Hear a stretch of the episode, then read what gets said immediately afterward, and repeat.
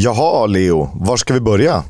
Nej, men jag tycker att du har rätt att börja. För jag menar, det är du som varit och tittat på fotboll den här gångna veckan. Du har ju varit... Ja, var har du varit någonstans? Ja, eh, från en andra division till en annan andra division. Jag råkade hamna i Como. Eh, av alla ställen. Denna eh, lyxresortplats, eller vad ska man säga, tillflyktsort för eh, norditalienare. Är det en bra beskrivning? Ja, men det tror jag. Det tror jag är en, liksom, dit alla någorlunda rika milaneser och turister åker över dagen i alla fall. Sådär. Så, så kändes det i alla fall. Det var inte så många som, eh, som bodde där, var min eh, upplevelse och känsla i alla fall. Men då såg jag ju andra divisionsfotboll i Italien i eh, fantastiskt fina Serie B mellan Como och Ascoli. Como som numera delägs av eh, Dennis Wise, som ju också är vd i klubben, pendlar mellan London och eh, Como. Eh, Thierry Henry och eh, Cesc Fabregas som är någon delägande spelare. Eh, dessutom är det typ någon indonesisk eh, Netflix eh, kopia som, som är med och delägare. Ja, Måla eller vad de heter. Jag har tänkt på det där med, med, med, med Fabregas är det typ lag... Är det ens... Alltså, borde det vara lagligt att äga sin klubb och spela i den? Eller liksom... Förstår du vad jag menar? Det, det kanske inte finns något problem där. Det kanske bara jag som övertänker det här. problemet blir, blir, väl om man äger eh, så pass mycket att man kan ta ut sig själv i startelvan. Men å andra sidan, då är man ju tränare också. Så då borde inte, kanske inte heller spelande tränare vara okej. Okay. Eller? Nej, nej, just, nej, det blir samma problematik där. Samma jäv gentemot spelartruppen i alla fall. Svårt för tränaren kan jag tänka att så här, bänka Fabregas. Du är en av ägarna, alltså är du en av mina arbetsgivare, men jag bänkar dig. Men han har varit en del bänkad ju. Han har inte spelat jättemycket. Eh, han nej. spelade inte en minut i helgen, tyvärr. Eh, men känslan är väl när han väl är frisk och, och eh, i speldugligt skick så är han ju överlägset bäst på planen, i, i Como i alla fall. Hur var, hur var fotbollen då? Eh, relativt begränsad skulle jag nog ändå säga. Jag tycker ju att eh, ja, de här två lagen tillhör ju inte toppskiktet. Eh, de skulle få det rätt tufft i Championship, är min känsla. Jag tycker nästan...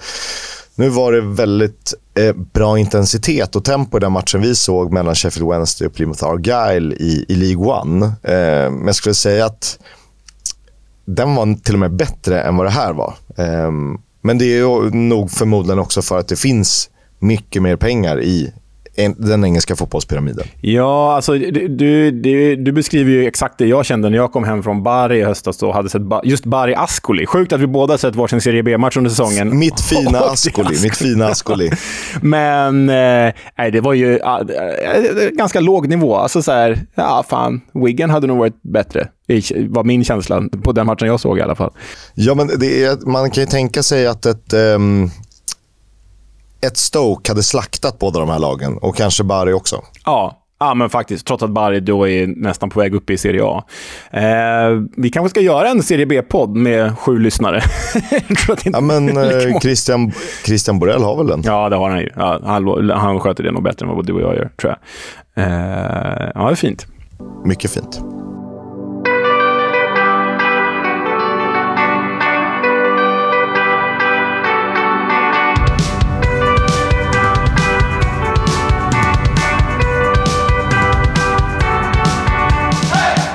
Lyssnar på Football's Coming Home, en podcast om Championship, League 1 och League 2. Eh, vi ska prata kort om eh, National League. Naturligtvis, det är ju på tapeten. Jag heter Oskar Kisk, med mig har jag i vanlig ordning Leonard Jägerskiöld Welander. Eh, vi kan väl kanske börja med att dyka ner i det som Eh, vissa britter pratar om som den sjukaste omgången i Championships historia. Jag vågar inte riktigt ta till de växlarna, men eh, herregud. Ja, men det var en jäkla massa överraskningar och resultat som man inte riktigt såg framför sig när, inför omgången. Så ja, jag, alltså du och jag har bollat på med det här i snart två år. Sen har man ju följt Championship eh, längre än så. Men eh, visst är det väl en av de sjukaste omgångarna som, som vi också upplevt i The Championship. Den sjukaste i poddens historia i alla fall. Man eh, har ju alltid kollat engelsk fotboll. Särskilt gott öga till Coca-Cola Championship på dåtidens TV4 Sport. ja, verkligen. Otroligt mäktigt.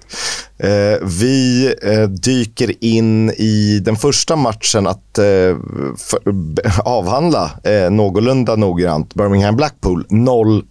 Ja, och det här var ju liksom en... Vi pratar ju om att så här, lag är avsågade och de tar livlinor hela tiden, men det här var ju verkligen en livlina för Blackpool. För segern här innebär ju att Blackpool faktiskt bara, i nuläget, har tre poäng upp till säker mark.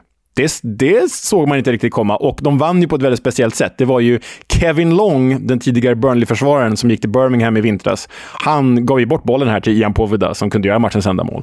Leeds-lånet på Vida som ju eh, känns lite bättre än att åka ur eh, Championship. Då. Verkligen. Och har väl ändå varit det som Josh Bowler kanske inte har varit poängmässigt under våren. Mm, nu börjar väl Bowler komma in i det här nya Steven Dobby-bygget. Då. Dobby som gjorde sin fjärde match som tränare. Han har ju liksom lagt lite mer tyngd på offensiven. Utgår från lagets styrkor till skillnad från Mick McCarthy.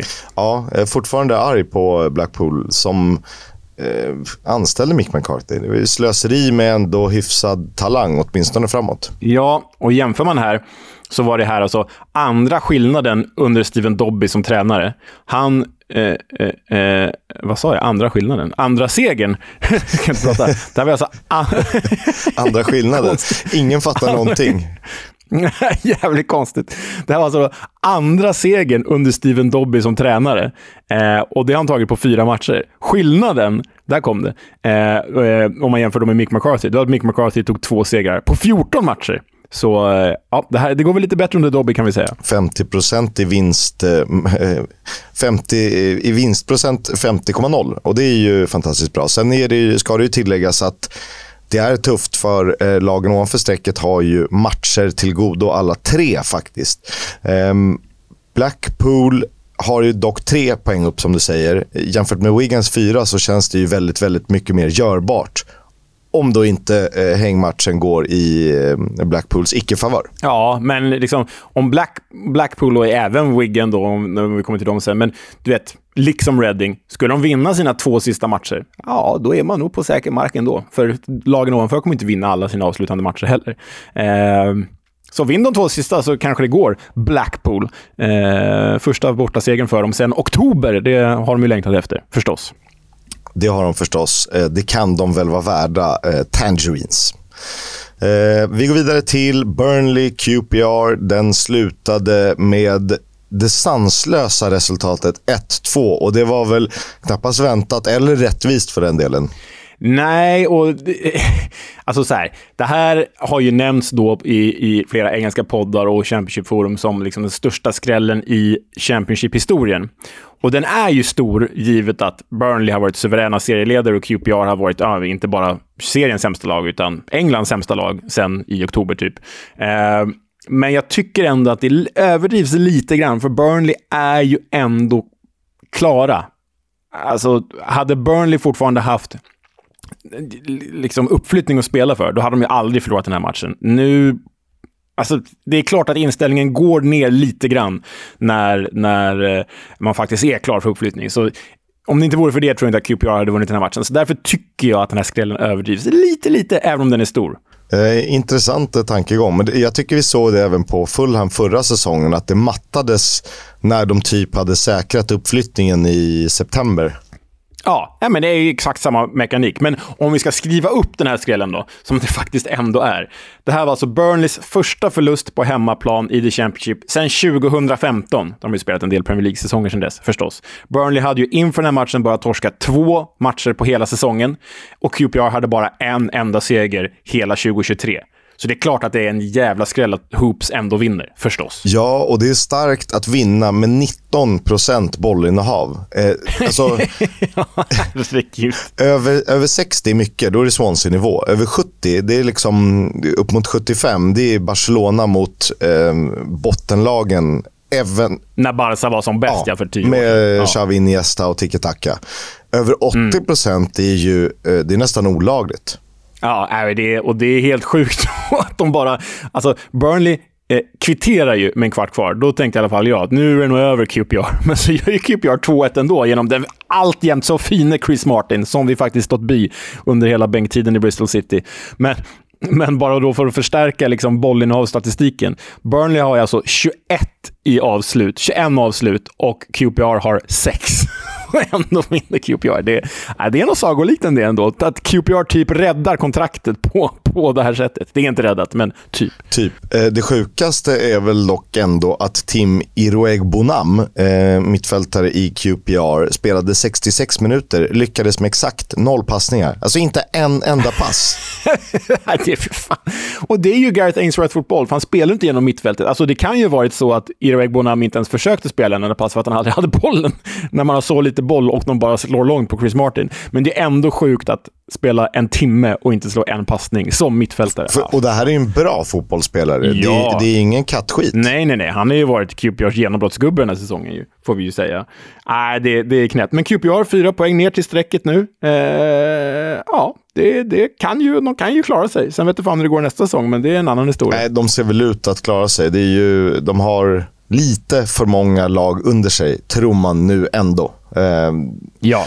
Och det ska plockas poäng, inte av varandra nödvändigtvis, men eller ja, vi har ju väl Huddersfield och Reading eh, mot varandra i sista omgången, om jag inte är helt felinformerad. Ja, och det är ju därför QPR kan klara det här. För Huddersfield och Reading möter varandra i sista omgången, som man hoppas att det fortfarande gäller något då. De ligger ju på varsin sida om strecket just nu. Samt att Rotherham och Cardiff möts ju den här veckan, eh, torsdag. Eh, alltså dagen efter vi spelar in detta. Så i och med att de där kommer ta poäng av varandra så känns ju QPR ganska säkert. Ja, eh, Burnley, tre raka matcher utan seger. Ja, och det är väl för att de är klara så. Nej, det är för att Hjalmar Ekdal inte spelar. Det kan det är en annan teori. Nathan Tell har ju också haft lite skadeproblematik. Eh, vi ska dock inte säga, eh, slå fast Burnleys tre raka utan seger, för de har ju spelat ytterligare en match som vi återkommer till. Men eh, vi börjar med Wigan Millwall. Och det är ytterligare en skräll. Ja, 2-1 till Wiggen avgör i 84 minuten genom din favorit, Telo Åsgård. Eh, vi borde nästan intervjua honom om fioler och violiner och sådär bara. Ha med honom i podden någon gång. Ja, ja, ja verkligen. Ja, men Wiggen gör ju en bra match här. Eh, det är ju en rättvis seger och eh, det kanske är för sent för Wigan. Vad har de? Fyra poäng upp till säker mark. Kan ju gå med två matcher kvar förstås. Men jag landar nästan i Millwalls form. Vad fasiken håller de på med? Nu är det farligt nära att de faktiskt missar playoff. Eh, det är farligt nära. Eh, det här ser ju ut att vara formen som sänker dem. När de var ju liksom tredje playoff-laget som det var snarare att man undrade vilka tar den fjärde platsen bakom Luton, Middlesbrough och Millwall. Mm. Och nu ligger de ju alltså utanför playoff på eh, målskillnad, ska det sägas, eh, bakom Sandland. Vi återkommer till Sandland. Men alltså, Millwall har ju alltså tre förluster på de fyra senaste matcherna. Det här var deras andra raka förlust och det är första gången de förlorat två matcher i rad sedan augusti. Och i och med det har de bara tagit fem poäng av de 21 möjliga senaste och bara gjort tre mål på sju matcher.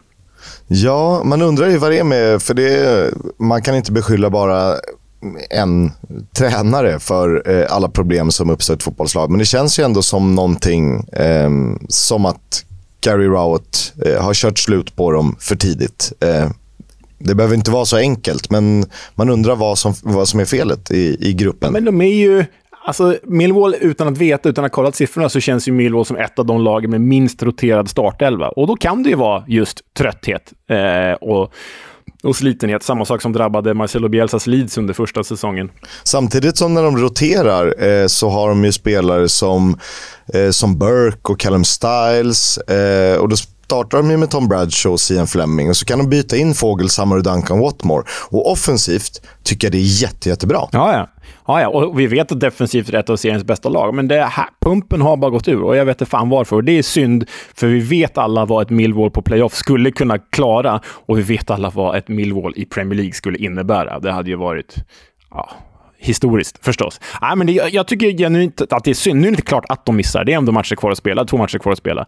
Men jag tycker det är genuint synd att Millwall är på väg att missa det igen, för de hängde ju på ganska länge förra året också, tills det var typ tre, fyra matcher kvar. Va? Uh, nu, nu är det ännu närmare. Men det är som sagt det är inte kört. De har ju alltså bara en poäng upp till femteplatsen och målskillnad upp till sjätteplatsen. Nu eh, ska jag vara ärlig och erkänna att jag kommer inte ihåg exakt hur det var för slutet av förra säsongen, men lite déjà vu-känsla i att de, så här, de gav det en chans och sen när de väl hade givit sig själva chansen, då eh, brände de den. Ja, Ja, men lite så faktiskt. Så eh, skärpning Millwall, eh, Wigan med eh, förnyat hopp här. Eh, kanske personifierat av Ashley Fletcher bäst, anfallaren, som typ bröt armbågen, eller vad man nu gör, krossade armbågen eh, med eh, en bit kvar av matchen. Men då fanns det inga byten kvar, så han fortsatte spela. Det är ju strångt. Hatten av. Det, det är engelsk fotboll för mig. Det är engelsk fotboll. Håller med.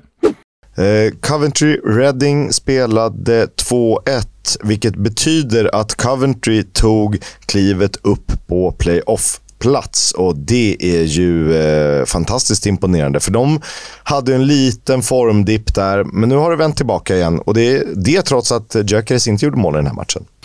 Ja, nej, hade Gyökeres gjort mål, då eh, hade han varit effektiv, då hade han varit med kanske fyra, till och med 5-1. För eh, eh, fina Jöken eh, brände lite för mycket idag, det får man vara ärlig och säga. Är en väldigt bra spelare annars, men Gustavo Hammer, som gjorde en supermatch, slet nog sitt hår, för han hade nog räknat in ytterligare två assist till, till Gyökeres. Men det blev ju 2-1 och där just Gus Hammer blev matchens lirare. Otrolig eh, eh, uppvisning från honom på det centrala Coventry-mittfältet. Jag är lite så här, givet att eh, Coventry går mot en playoff-plats nu, inget är klart, eh, så är han en säsongens eh, lagkandidat. Eh, Gud, och ja. möjligt att han till och med tar en plats eh, på ett centralt mittfält. Gud ja, och det här eh, återkommer vi till i avsnittet, för vi ska ju avslöja de nominerade i, i, i eh, årets eh, Championship 11. Och så ska ni, vi ska, till nästa vecka kommer vi ta ut vår 11 och fram till nästa vecka ska ni, kära lyssnare, rösta fram er årets 11. Så häng med, för om ett tag så kommer vi snacka just nominerade på varje position här. Ja, och Coventry har Birmingham och Middlesbrough kvar att möta och eh, vill det sig riktigt väl eh, så kan de ju möta Middlesbrough eh, tre gånger i rad va? Ja, precis. Att de möter Middlesbrough sista matchen och så blir det playoff, playoff ja. Eh, ja, så kan det ju verkligen bli.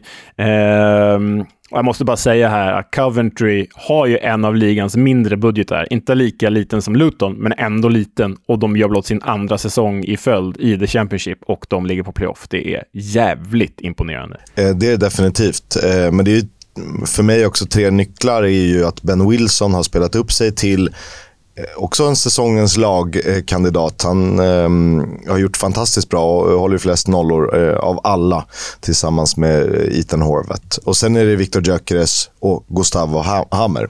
Dessutom så vill jag slå ett slag för Luke McNally som ju kommit in och varit en eh, ja, men jätte i försvaret egentligen. Ja, ja, ja nej, men det är, på tal om att inte rotera, det är Coventry är kanske liksom tunnaste truppen av alla nästan. Men, men deras start, deras liksom start och nyckelspelare som McNally, som Godden, som Gyökeres, som Hammer, som Wilson, alla de, McFadsin, alltså alla de har ju överträffat sig själva den här säsongen.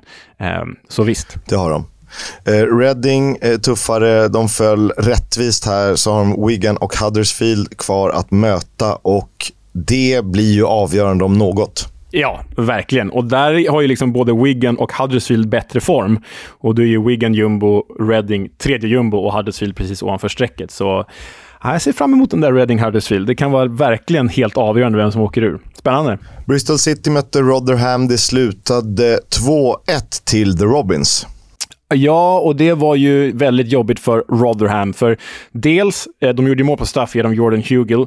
Eh, dels borde de fått en till straff, fick de inte. Dels tappade de in det avgörande målet i 90 minuten. Andy Weimann. Eh, så jobbigt för Rotherham. Ännu jobbigare att det bara var Rotherham och Reading som förlorade sina matcher av alla lag som är inblandade i bottenstriden.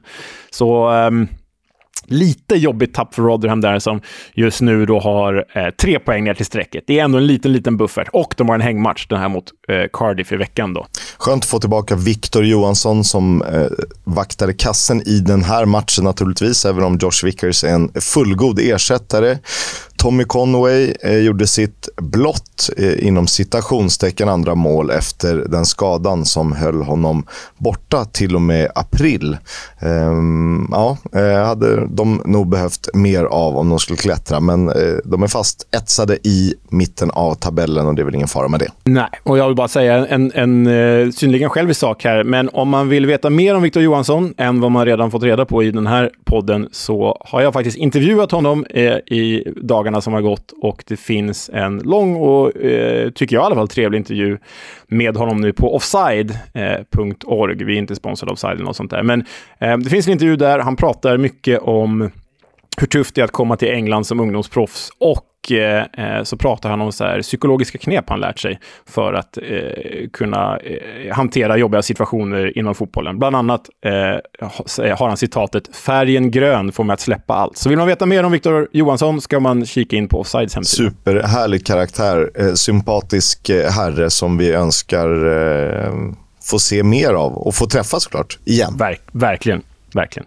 Cardiff-Stoke slutade 1-1 och ingen är förvånad att den här matchen blev oavgjord. Nej, verkligen. Alltså, på pappret kanske det mest, inte ens på pappret, utan sett till namnen det mest givna krysset. Och så, bli, ja, och så blir det ju kryss också. Eh, men det får vi tacka Sorry Kabba för, för hans straffmiss vid ställningen 1-1. Han har ju gjort sju mål och på de nio senaste och eh, han har ju tickat upp som en liten favorit trots den där straffmissen. Ja, men riktigt härlig gubbe. Du har ju pratat om att vi ska ta ut vår så här favoritelva också. Det kanske vi ska göra vart, vartåt det lider under den här säsongen. Ja, men lite så här skönaste, alltså EFL-poddens favoritelva säsongen 22-23. Eh, en annan given, Lee Peltier i, i uh, Rotherham såklart. Ja, ja, gud ja. Eh, det håller jag verkligen med om. På tal om just de två lagen så är det ju Rotherham Cardiff på torsdagen. Dagen efter vi spelar in den här podden. Vi ber om ursäkt att vi inte får den, men vi vill få ut podden eh, innan fredag. Nej, men vi får Nej, vi får väl hantera Rotherham Cardiff, den här bizarra, omspel, om, bizarra omspelet som eh, Cardiff eh, kanske skulle kunna innebära att de snuvas på ett kontrakt. Vi, vi, får, eh, vi får se. Hull Watford slutade 1-0. Ken Sema spelade 90 minuter när Watford eh, föll och inte ens Joao Pedro såg bra ut här. Nej, men Watford är ju... Eh, alltså även om de är bättre... Alltså, så här. Watford har det jävligt tungt just nu. Förlusten innebär att de är nere på undre halvan och räknar man sedan 1 februari så är det bara Reading och QPR som har tagit färre poäng än Watford. Och det blir extra snopet för dem när matchens enda målskytt här i Hall är Ozan Tufan. Och vad har han spelat? Jo, i Watford. alltså... Goldelex-släkten är ja, värst. Och jag, jag vill att vi ska påminna oss själva och lyssnarna här om att när Watford sparkade Rob Edwards i oktober var det va? Då låg de fyra. Ja, det, är, det är den konstigaste sparkningen den här säsongen. Ehm, obegripligt. Och Luton under Rob Edwards ligger trea. Ja, precis. Och uh, har gått från tionde plats till tredje plats under honom. Så nej, och sen du vet, bara in med Billage och in med Wilder. Äh, Watford är så jäkla misskött av familjen Pozzo. Det får man ju säga. Otroligt oharmoniskt när de nu positionerar sig på den undre halvan. Ja, äh, det, det blir ju största floppen. Stör, till och med större flopp än Norwich. Det, nej, det är för jävla dåligt. Det. Ja, jag tycker Norwich ändå har, även om det skiljer eh, tre poäng och det kan vända, så har Norwich visat upp eh, eh, fina takter under säsongen. Eh, det gjorde de inte i helgen, för de mötte Swansea och det slutade 0-3. Och det är ju en slakt av eh, Svanarna. Ja, i det här fågelderbyt lanserade vi väl i, i första mötet i höstas. För jag tycker eh. att det är fågelderby var och varannan vecka. Ja, alla jävlar har ju fåglar. Men alltså Norwich, vi pratar ju om, om Burnleys bollinnehavssiffror mot ett uselt QPR. Frågan om det här inte är mer imponerande. För Swansea åker alltså till Norwich, till Carrow Road, som ju är ett riktigt... Jag menar, Norwich är ju en playoff-kandidat. Eh, och Swansea har 78% i bollinnehav. Visst, Sam McCallum blir utvisad med, med i, Norwich spelar med en man mindre i en halvlek. Men 78% bollinnehav eh, för Swansea, det är Äh, det är sinnessjukt alltså. Det är jävligt imponerande. Sen har ju Swansea samma problem som de alltid har. De har ju bara sex skott på mål i den här matchen. Men nu var de effektiva i alla fall. Ja, och det ska ju tilläggas att matchen var ju eh, mer eller mindre punkterad när eh, Sam McCallum drog på sig det röda. För då hade Joel Lattebodier och Liam Cullen gjort 1-0 respektive 2-0. Sen fick ju Olivier Encham sätta spiken i kistan i andra halvlek. Ryan Manning noterades för dubbla assist i den här matchen där släkten återigen var värst. För Russell Martin var ju kapten i Norwich. Eh, var med och flyttade upp dem gånger tre. Ja, och det var ju rykten om att eh, han skulle gå till Norwich där eh, när Norwich bytte tränare i vintras. Men då tog de ju David Wagner istället. Jag tror att de hade mått bättre att ta Russell Martin, men det är lätt att vara efterklok. Haprakisk, inte bara 78% bollinnehav i Swansea. De slog 900 passningar i matchen. Det har man inte gjort under hela sin fotbollskarriär. och nu stoltserar Swansea alltså med fyra raka segrar och är faktiskt bara tre poäng från playoff. Det kan bli den där sjätteplatsen ändå. Ja, det hade varit så sjukt. Ja, det hade varit sjukt. Eh, det är många som snubblar. Eh, PNI är ett av lagen som har snubblat sen de började lansera sig själva som en playoff-kandidat. Eh, de räddade dock en poäng hemma mot ett Blackburn som... Oh, vad händer alltså?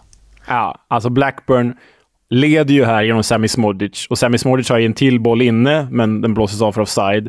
Och på stopptid vid ställningen 1-0 fortfarande till Blackburn, i det här derbyt ska vi säga, så kommer Ryan Hedges fri med, med vad heter han, eh, Freddie Woodman.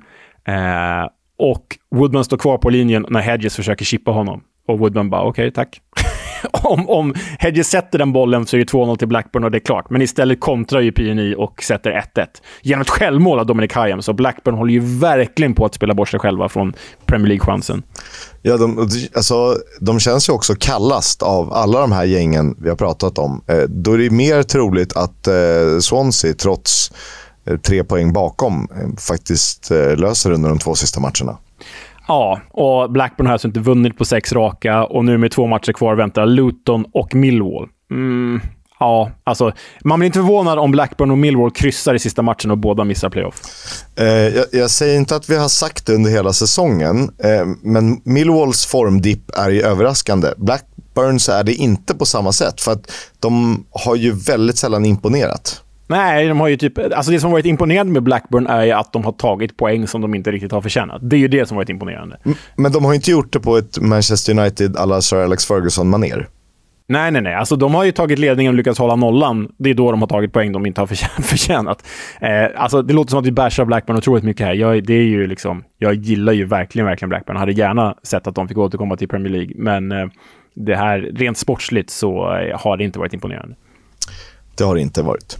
West Bromwich Albion hade ju ett drömläge på söndagen. Det hade även Sunderland. Eh, och det var ju faktiskt The Black Cats som tog chansen när den gavs.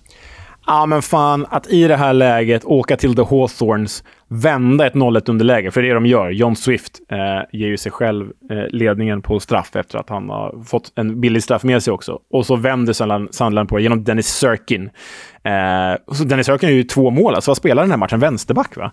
Ja, typ någon form av vänsterback, ja.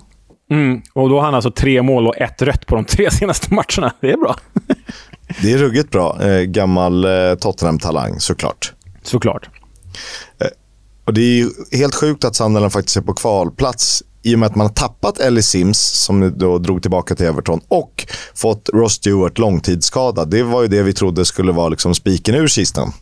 Plus att deras eh, tränare som tog upp dem till The Championship, Alex Neil, lämnade skeppet eh, ganska tidigt in på säsongen ändå. Men alltså, det är ju tre ganska stora tapp och ändå sjätte plats som nykomling.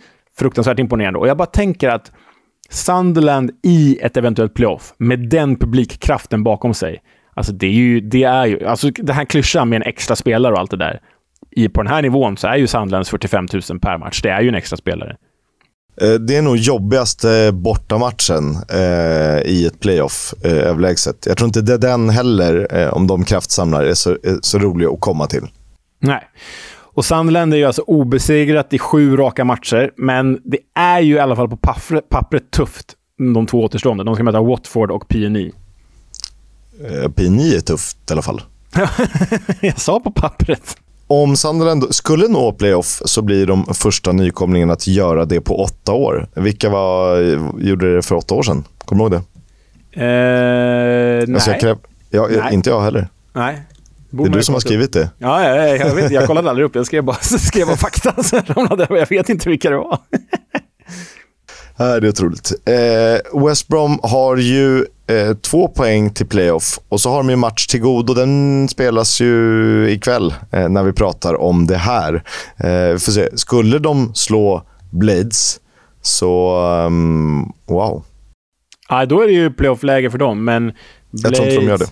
Nej, nej, det är ju så och... De, nej, de, de, har ju, de har ju fått också det, det, är väldigt många lag som har fått matchbollar tack vare att andra lag har, eh, har liksom missat sina. Millwall har ju bränt, eh, Blackburn har ju bränt, PNI har ju bränt. West Brom har ju också bränt bra lägen till matchbollar.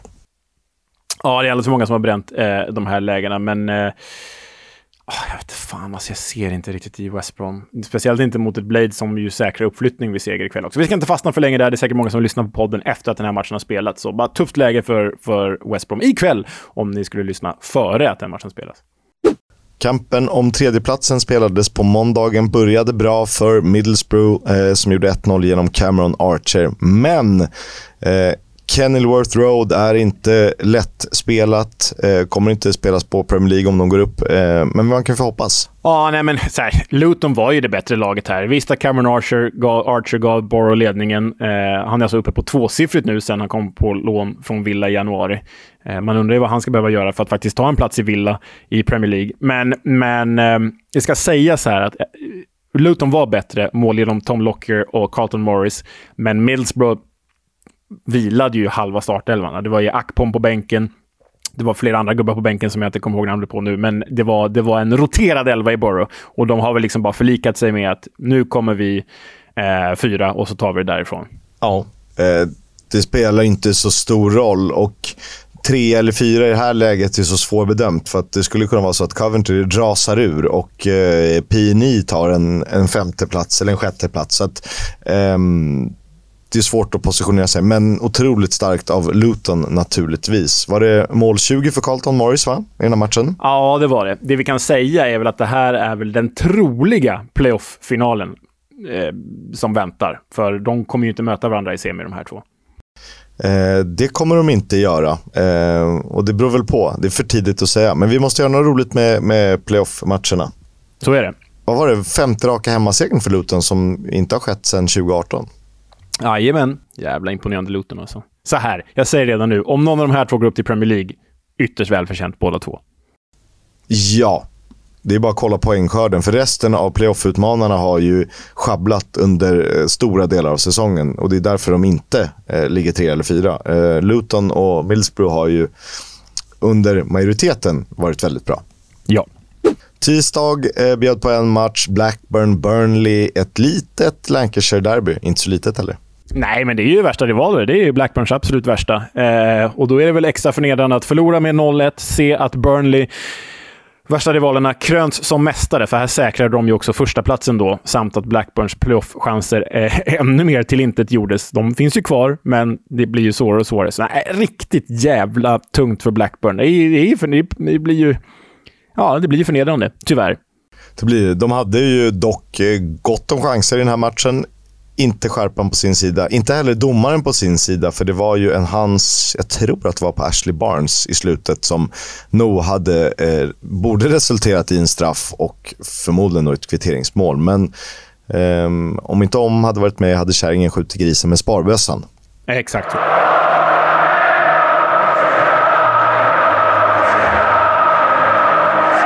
Fotbolls Coming Home sponsras av Stryktipset, ett spel från Svenska Spel, Sport och Casino. För dig över 18 år, stödlinjen.se. Eh, ganska rolig match nummer sju på kupongen. Eh, och inför säsongen var det ju lag eh, Sunderland uppflyttade från League One mot Watford nedflyttade från Premier League. Vilket definitivt inte har märks under den här säsongen, även om det inte skiljer mer än sju poäng i tabellen. Sunderland är ju uppe och nosar på playoff. De har till, eh, till och med den där sjätteplatsen i eh, egna händer när vi spelar in det här. Och eh, det ser ju inte omöjligt ut för Mowbrays manskap givet formen. Um, trots det som hände då med Ellie Sims och Ross Stewart. Watford är ju eh, den här säsongens stora besvikelse och med den offensiven, att vara på väg mot underhalvan, är ju under all kritik. Frågan är dock om man vågar spika ettan. Det finns ju kvalitet i Joao Pedro och Ismail Azar bland andra. Leo, har du någon batalj du ser fram extra mycket mot i helgen?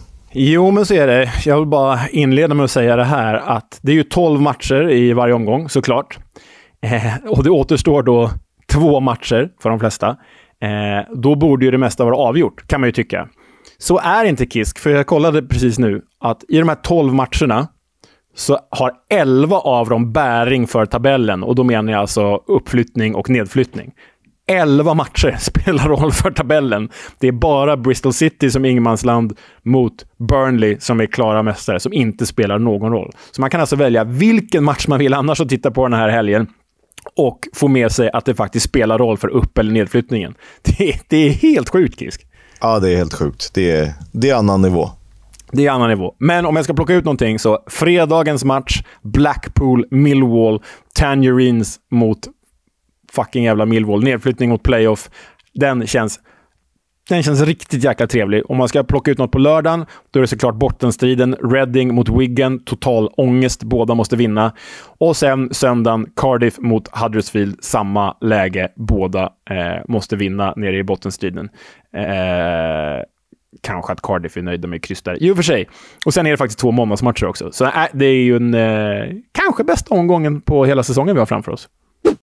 Vi pratade om att ta ut vårt eget lag i veckan, men jag tror vi skjuter på det en vecka, för det kommer vara eh, ruskigt mycket att diskutera efter helgen. Eh, det har varit det. Eh, jag har varit bortrest, eh, så ni får vänta lite på den och då hinner vi dessutom skicka ut våra nomineringar. Men vi börjar med det som var det officiella eh, säsongens lag, Team of the Season för Championship.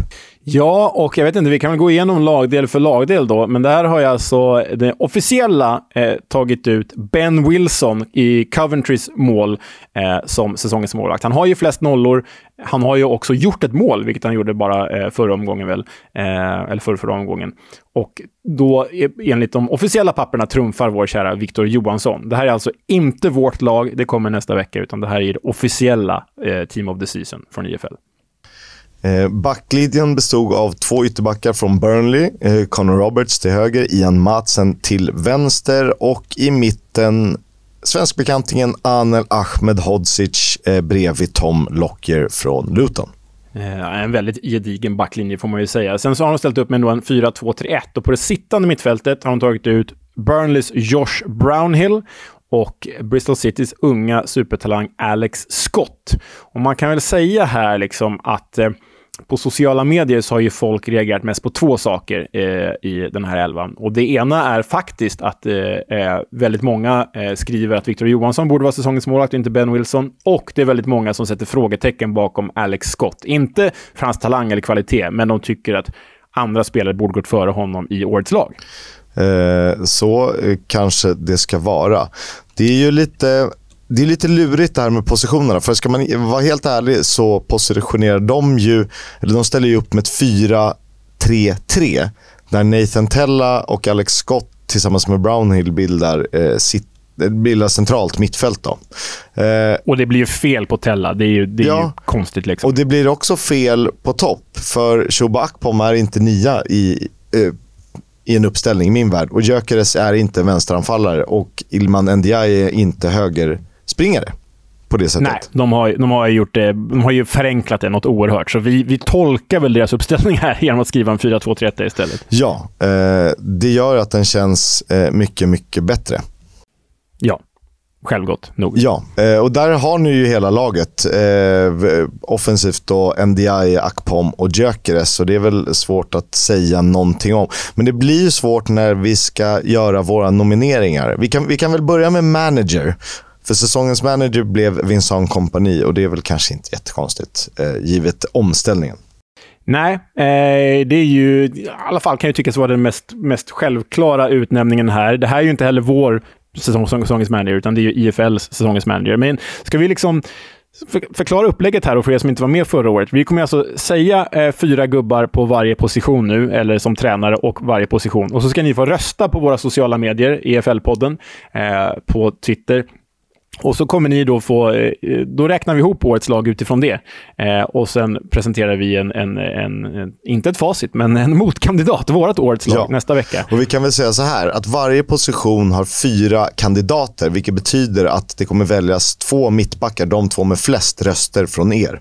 Eh, och det är också eh, de här vi har att eh, välja på.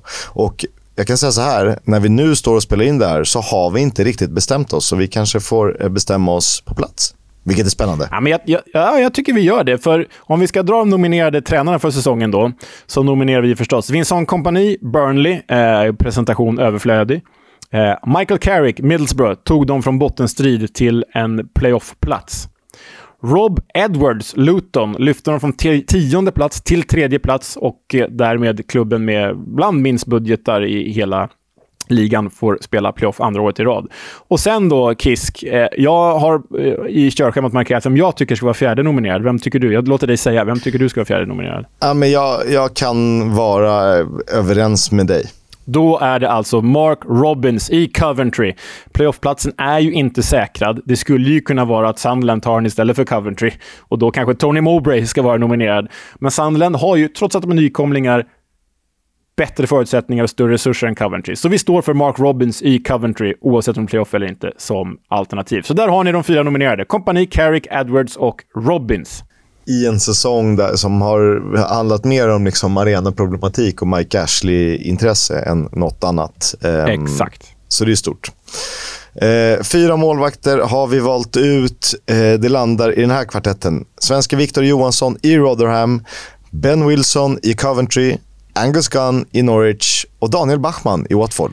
Och det är ju en jäkla eh, stark kvartett det där. Ni vet ju som vi sa, Ben Wilson har ju hållit flest nollor och han har gjort mål. Viktor Johansson leder ju typ all annan statistik, alltså antal räddningar och räddningsprocent och ditten och datten och sådär. Eh, Angus Gunn och Daniel Bachmann har väl kämpat förtvivlat i underpresterande Norwich och Watford. De har ju varit jävligt bra båda två, faktiskt. Ja, det är sjukt att två så bra lag ska eh, egentligen behöva ha så bra målvakter. Man kan väl nämna, det är väl klart att eh, Moric i, i Burnley hade kunnat diskuteras. Så även Alex Palmer i West Brom, om han inte hade blivit skadad. Eh, typ John Ruddy i Birmingham också. Men vi gillar ju målvakter. Ja, det gör vi. Ethan Horvath kanske skulle varit med också, men nu blev det den här kvartetten. Ja. Och Sen kommer vi då till högerbacken som får sägas vara den klart svagaste positionen i hela yep. elvan. Alltså, Om det finns liksom tre eh, vänsterbackar som har varit absolut högsta eh, ytterbacksnivå. Så här är det lite krystat. Ja, här är det krystat. Det här har vi tagit lång tid och det är inte självklart. Vi har då alltså... Eh, vi har då alltså Trey Hume i Sunderland som egentligen mest har gjort en bra vår. Eh, så. Men han har imponerat något oerhört på våren. Sen har vi då Connor Roberts i Burnley. Eh, togs ju ut i, i, av IFL i årets lag där. Vi har Tommy Smith, en personlig favorit i Middlesbrough, som har konkurrerat ut eh, Isaiah Jones sen Michael Carrick tog över. Och vem väljer vi då som fjärde gubbe här i Kiss nominerade? Jag tycker ju... Ja, vi har ju... De... Eh, ja. Jag tycker att det står mellan Joe Rankin Costello, givet en väldigt fin vår, och eller Cyrus Christie i Hull som ändå har gjort det eh, ganska bra. Ja, men då tar vi Joe Rankin Costello i Blackburn då. Vi kör honom. Du tycker det? Det kör vi. Ja, då gör vi det. Taget. Eh, Joe Rankin Costello tar fjärdeplatsen alltså. Sen går vidare till mittbackar och det är alltså fyra mittbackar, inte fyra gånger två eh, som vi gjorde förra säsongen, utan det här blir mer logiskt. Eh, de fyra är Taylor Harwood Bellis i Burnley, Anel Ahmed Hodzic i Sheffield United, den eh, svenskfödde eh, bosniska landslagsmannen. Det blir Tom Lockyer i Luton och Charlie Cresswell i Millwall. Och det är väl eh, kanske starkaste positionen i hela, hela elvan, för här är det ju hög jäkla klass alltså. Eh, kul att Luton liksom har Cal Naismith i årets, årets mittback förra året och så bara, äh, han försvinner. Ja, då får Tom Lockyer bli lika bra istället. Ja, och Sonny Bradley skadad stora delar av säsongen. Ja. Eh, de nominerade på vänsterbacken är också fruktansvärt starkt, men där har vi Ian Matsen, Chelsea-lånet i Burnley. Vi har Ryan Giles i Middlesbrough, leder assistligan. Vi har Ryan Manning i Swansea som, eh, jag vet inte vad han har stått för sjukt genombrott, men han gör ju mål och assist i varje match nu eh, här på våren. Och sen då är vi lite osäkra på den fjärde nominerade. Vem tycker du Kisk? Vem ska vara, den, vem ska vara fyran? Eh, jag tycker nog ändå eh, Sheffield Uniteds eh, Max Lowe. Sen är det ju... Det går ju att diskutera positioner, eh, om någon har varit wingback. Eh, jag tycker ändå i, i, i vår uppställning så räknas en wingback som vänster eller högerback. Ja, absolut. Och då blir det, Sheff, eh, då blir Sheffield Uniteds Max Lowe. Ja. På det centrala mittfältet är det också eh, konkurrens när en spelare som Sander Berge, som genomgående gjort det väldigt bra. Eh, vi glömmer bort en John Swift, eh, som förvisso kanske inte spelat så mycket CM ändå. Men vi landar i följande. Eh, trotjänaren och profilen och alltid lika stabila Oliver Norwood, eh, Sheffield United är en. Josh Brown, Hilly Burnley, eh, möjlig säsongens spelare överlag om inte Shuba Akpom hade kickat igång sin säsong. Gustavo Hammer eh, som styr och ställer i Coventry och spelar fram Gyökeres. Alex Scott, eh, Bristol Citys unge mittfältstalang som ju kommer att gå för stora pengar i sommar. Allt annat vore väldigt, väldigt konstigt. Nej, det är ju ett eh, ja, fruktansvärt starkt centralt mittfält. Nästan så att typ två av årets spelare finns i den där eh, kvartetten. Högerytter, eh, där är det ju så självklart nästan så att det blir, så att det blir eh, de andra nominerade blir väl lite frågetecken här. Men Nathan Tella i Burnley, eh, deras bästa målskytt, Southampton-lånet, är nominerad. Amad Diallo, Manchester United-lånet i Sunderland, har ju eh, ställt till det hejvilt för eh, motståndarförsvaren. Och sen ska vi in med två stycken nominerade till här då, Kisk. Och eh, jag slänger faktiskt in eh, Marcus Fors där i Middlesbrough. Finnen. Ja, men jag är, eh, jag är helt eh, överens med dig där. Och om du får slänga ett fjärde namn, vem är det då? Alltså, det beror ju på. jag vet inte. Eh, en sån som Alfie Dowdy i Luton är ju mer av en vänsterspringare. Jag tycker att Mark Sykes har gjort det bra i perioder, men över hela säsongen, hmm. Benson Manuel, också stundtals sylvass. Eh, jag tycker det här är, jag vet inte, kanske Cody Drame i Luton, eh, men han har inte spelat så mycket. Han har gjort, eh, vad är det, 14 framträdanden. Om du får välja, vem ska vi ha? Ja, men då, då, av de du nämnde säger jag Benson Manuel Jed Wallace, kanske. On merit. Det, ja, fan in med Jed Wallace där. Han har ändå, gjort, han har ändå varit en av få ljusglimtar i, i West Brom. Vi kör Jed Wallace, eh, som väl var med i årets lag eh, förra säsongen, eh, då för Millwall. Så då sammanfattar vi det här. Det är alltså Nathan Tella, Amadiallo, Jed Wallace och Marcus Fors. Och eh, att Jed Wallace skulle vinna tillhör väl eh, kategorin osannolika händelser. Eh, offensiv mittfältare eh, är lite speciellt. Eh, och det, det, kanske blir lite krystat här för att vi vill ha in en spelare, men jag tänker så här. Eh, I vårt lag så tror jag Ilman, Diaye, eh, Ilman Ndiaye kommer ha en rätt hyfsad chans att gå in som en vänsterytter. Eh, och det är inte för att han har spelat där flest gånger, det är för att eh, vi vill ha honom där för att det finns andra spelare på andra positioner som vi eh, tror kommer göra det bättre. Så i vårt lag kommer han spela vänsterytter istället för offensiv mittfältare eller anfallare. Jag hoppas ni eh, är okej okay med det. Eh, men om vi pratar då offensiva mittfältare eh, så är ju Shuba Akpom en av dem. Det är hans utgångsposition, eh, trots att han är skyttekung. Ja, han är ju tia liksom. Han är ja. tia utan att vara trekvartista, men en engelsk tia, ska vi säga. Ja. Eh, en annan som har gjort det väldigt, väldigt bra är Sian Fleming i Millwall. Eh, hade han tagit en plats, givet att Shuba Akpom inte hade varit så bra, så hade det eh, absolut inte varit särskilt konstigt. Nej, han har ju varit eh, Millwalls bästa offensiva spelare. Och eh, skulle man liksom summera årets värvning så är han en av de kandidaterna. Ja, och eh, Joao Pedro har ju varit en av få ljusglimtar i Watfords bedrövliga säsong. Så det är klart han tar en plats också bland de nominerade. Eh, men den fjärde, vem kan det vara? Eh, Elias Cheir? Ska det vara Tom Ince? Ska det vara en John Swift? Ska det vara en James McAtee i Sheffield United? Eh, har vi några andra alternativ på eh, spelare? Jag tycker faktiskt Swift och McAtee är ganska bra alternativ. Eh, det lutar mer åt McAtee egentligen, faktiskt. Eh, ja, det känns som John Swift mest har gjort straffmål och eh, han får nog ses lite som en besvikelse med, medan eh, James McAtee har, har glänst. Um, Will Keane har ju varit lite släpande i stunder också, Alex Pritchard, men um, jag låter dig välja. Sami Smodic har ju kommit igång här under våren. Ja, men jag, jag står fast vid McAtee i så fall. Tycker jag är fin. Ja. The Salford, Salford Silva. Silva. Och The Bermondsey Burke. I samma kvartett, ja. Ja, det är fint. Då har vi bara två positioner kvar här att nominera. Då har vi vänsteryttrarna. Där finns den eh, gamla Tottenham-talangen Jack Clark, numera i Sunderland. Vi har jänkaren Josh Sargent, som jag hade en fenomenal höst. Vi har ytterligare en Burnley-spelare, marockanen och VM-spelaren Anas Zarouri. Och så har vi då senegalesiska VM-målskytten och framför allt Sheffield United-offensiva pjäsen Ilman Ndiaye. Och han är med som vänsterytter för att vi vill ge honom en ärlig chans. Eh, mot Chuba Akpom hade han ju inte haft det. Precis så. Och på topp finns fyra karaktärer. Eh, där tror jag vi faktiskt är helt överens. Victor Gyökeres i Coventry. Såklart. Såklart. Carlton Morris, Morris med de styva bröstvårtorna och vassarmbågarna i Luton. eh, min favorit från förra säsongen, Joel Pirou, som ändå har växlat igång säsongen och får eh, ses som eh, väl godkänd under den här eh, säsongen. Och slutligen, trots den skadan som har förstört hans säsong, eh, The Loch Ness Drogba, Ross Stewart. Kanske när han väl spelade eh, den bästa anfallen i hela ligan. Men han har inte spelat så himla mycket.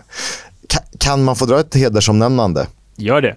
Som femte alternativ här. Jag undrar om jag inte hade tryckt in Andy Carroll. han får en hedersomnämnande. Han får en... Ja, absolut. Du kan få nämna honom så. Helt klart. Tack. Eh, I konkurrens med alla andra. Men eh, fan vad viktig han har varit för Reading.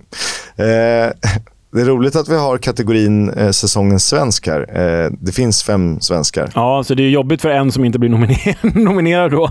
Men de nominerade är då Viktor Gyökeres, eh, förstås, denna eh, svenska skyttekung i Coventry. Vi har Viktor Johansson, en av seriens bästa målvakter i Rotherham. Vi har Anel Ahmedhodzic i Sheffield United, eh, blir uttagen av IFL i årets lag. Och sen står det då mellan Ken Sema, som gjort ett gäng assister, och Hjalmar Ekdal, som gjort bra ifrån sig i de nio matcher han spelat. Ehm, jag vet inte, Kisk, vem? Det är hårt att peta någon, men någon måste ju petas från de nominerade här. Ja, eh, jag vill absolut inte peta eh, Hjalmar Ekdal. Eh, givet att jag gillar honom som person ganska mycket. Men han har ju inte ens hunnit göra tio matcher för Burnley den här säsongen. Och hans framtid är väldigt ljus, givet att fan, han går nog in eh, som eh, Premier League-mittback från och med hösten. D däremot de nio framträdanden han gjorde var han ju sanslöst bra i. Vi kanske ska göra så här, för att göra det enkelt för oss. Vi tar bort eh, alla. Nej, men vi tar bort eh, Ekdal för att han har spelat färre än tio matcher. Då gör vi det enkelt. Ja, ja, men det, det är rimligt. För att när, jag har, när jag har kollat eh, spelare så har jag satt tio matcher som en gräns. Ja, och då är det alltså Gyökeres, Johansson, Ahmedhodzic och Sema som är nominerade som årets svensk i The Championship. Eh, årets spelare då. Eh, Shuba Akpom, Middlesbrough. Eh, ingen beskrivning behövs. Viktor Gyökeres i Coventry behöver inte heller någon beskrivning. Eh, Nathan Tella, Burnleys ytter och anfallses. Eh, och slutligen då Josh Brownhill som styrt upp Burnley centralt på, i banan. Eh, ska vi göra un årets unga spelare eller ska vi bara säga att Alex Scott kommer vinna den ja, ändå? Det, får, det, det var ju, Hayden Hackney var ju, var ju en annan kategori, eller var ju en annan eh, som var populär. Nej, men det blir ju Alex Scott i Bristol City. Såklart. Birmingham har eh, dragit till sig intresse från en amerikansk hedgefond. Eh, ingenting är klart än, men han som är frontmannen, Tom Wagner, rapporteras vilja köpa majoriteten av Blues. Tidigare eh, haft samröre med eh, NFL-stjärnan Tom Brady. Burnley utreds av the FA för att, ha, eh, för att ha gett sina motståndare otillåtna fördelar genom att byta ut hela sex spelare i startelvan till matchen mot Reading. Eh, där tog ju Reading poäng. Huddersfield har anmält detta och i värsta fall kan Burnley drabbas av minuspoäng. Men om man ska tro experterna i England så är det här bara Neil Warnock som sitter och tjurar på sin Huddersfield-kammare eh, eh, och eh, Burnley lär inte straffas med någonting alls. Nej, det känns väl osannolikt. Sunderlands mittback Danny Bath är hälseneskadad och missar resten av säsongen. Sunderland stannar vi vid. De rapporteras nämligen vilja göra italienaren Francesco Farioli till deras tränare nästa säsong. Han kommer senast från sejour i turkiska Alanyaspor och har även ryktats till Watford. Jag förstår inte riktigt varför man skulle vilja byta ut Tony Mowbray, men um, tydligen. Tydligen.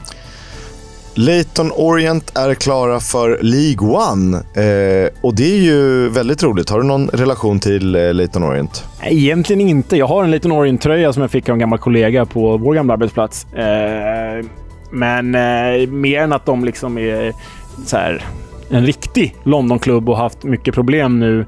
Eh, både ekonomiskt och varit nere i National League-event och sådär. Och att de ju har liksom börjat förlora nya generationer fans till, till West Ham efter att West Ham bytte arena.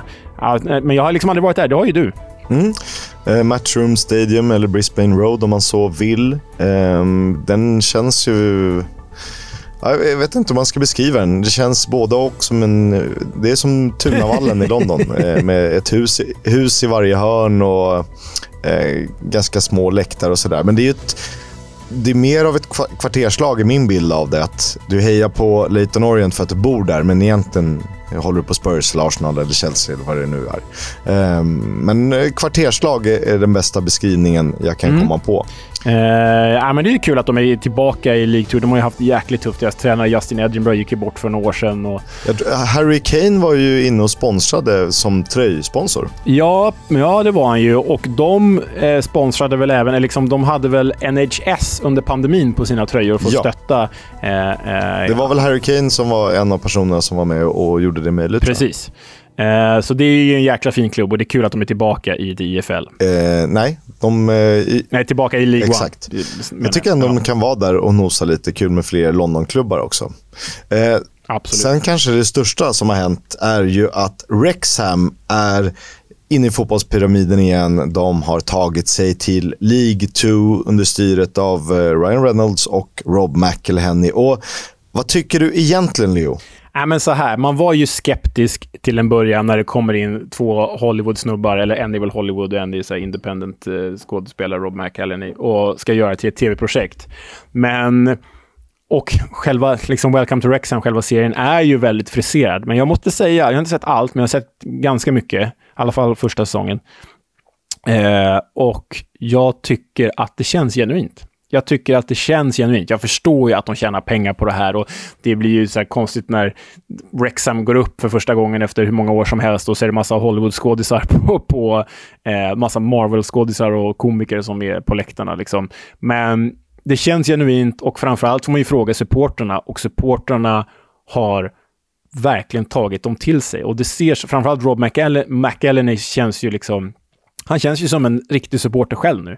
Eh, nej, jag, jag har bara gått från tveksam till att lägga mig platt för det här. De verkar sköta det utomordentligt bra och de verkar genuina i sin kärlek till klubben. Fansen har tagit dem till sig. Eh, de har liksom fått tillbaka tron på att det kan eh, gå. Och givet alla andra eh, tomtar till ägare som vi har fått se, som vi fortfarande får se i, i England, så känns det att de här bryr sig eh, på riktigt. Och visst, vi får ju se det i en tv-serie och, och, allt sånt där. Eh, så att det kan ju vara friserat. Men eh, du vet, Wigan får inga löner eh, etc. Etc. Så att um, Coventry kan inte spela på någon arena. Då är det, de här gör i alla fall ett eh, helhjärtat försök. Sen är det, blir det överkommersialiserat. Och, eh, det som var lite charmigt i början med, med Rexham-skylten i, i, eh, i Hollywood-typsnitt blir ju lite överdrivet. Men det är väl bara roligt om det skrivs lite? Ja, ja och sen får man väl liksom så här ta upp motståndarsidan, alltså motståndarnas aspekter av det hela. På samma sätt som Forest Green Rovers fått mycket kritik för att de köpt sig upp i systemet så förstår jag att det finns en väldigt fadd eftersmak hos Notts County-fansen som gör sin bästa säsong på hur länge som helst. Och så får inte de direkt första platsen upp för att här har kommit in ett gäng jänkar och bara tryckt in hur mycket pengar som helst. Nu är Ryan Reynolds kanske kan ha dick i och för sig, men skitsamma. Um, tryckte in hur mycket pengar som helst i, i, i uh, det här projektet. Så, alltså, att kunna värva de spelare och de tränare de har gjort Rexham hade de inte kunnat göra utan de här pengarna. Så de har ju plockat från en League One-hylla och Ben Foster kommer dit, liksom. nu är han historia i klubben och så. Men jag förstår att motståndarna ser ganska surt på det här. Det förstår jag. Men jag tycker ändå att de känns genuina i sin satsning. Ja, eh, och fotbollen är ju inte rättvis. Eh, det vet vi. Ehm, klart och tydligt. Det ser vi även i Premier League. Exakt så. We'll have a chat about the fucking game. About your game, last few months, last few weeks. Fucking character. Jag tycker att eh, den gode Neil Warnock har hållit sig alldeles för lugn på sistone. Han är inte ute och svingar så mycket. Han eh, är väl nervös för den där bottenstriden. Såklart han är. Han måste samla styrkorna. Men eh, Roy Keane kan väl få agera veckans Warnock. Han är ju en karaktär, eh, om inte annat. I think particularly we deserve better than what we're getting, and, and I think the players deserve better than that. And uh, I really can't fault my players today. I thought you know they had a good goal, and uh, sometimes things are out of your control, uh, like decisions which we can't do much about. And people are going to ask me to ask you, are you going to stay on? I refuse to answer that question. We'll take that as a yes then. Take it whatever you want. Yeah,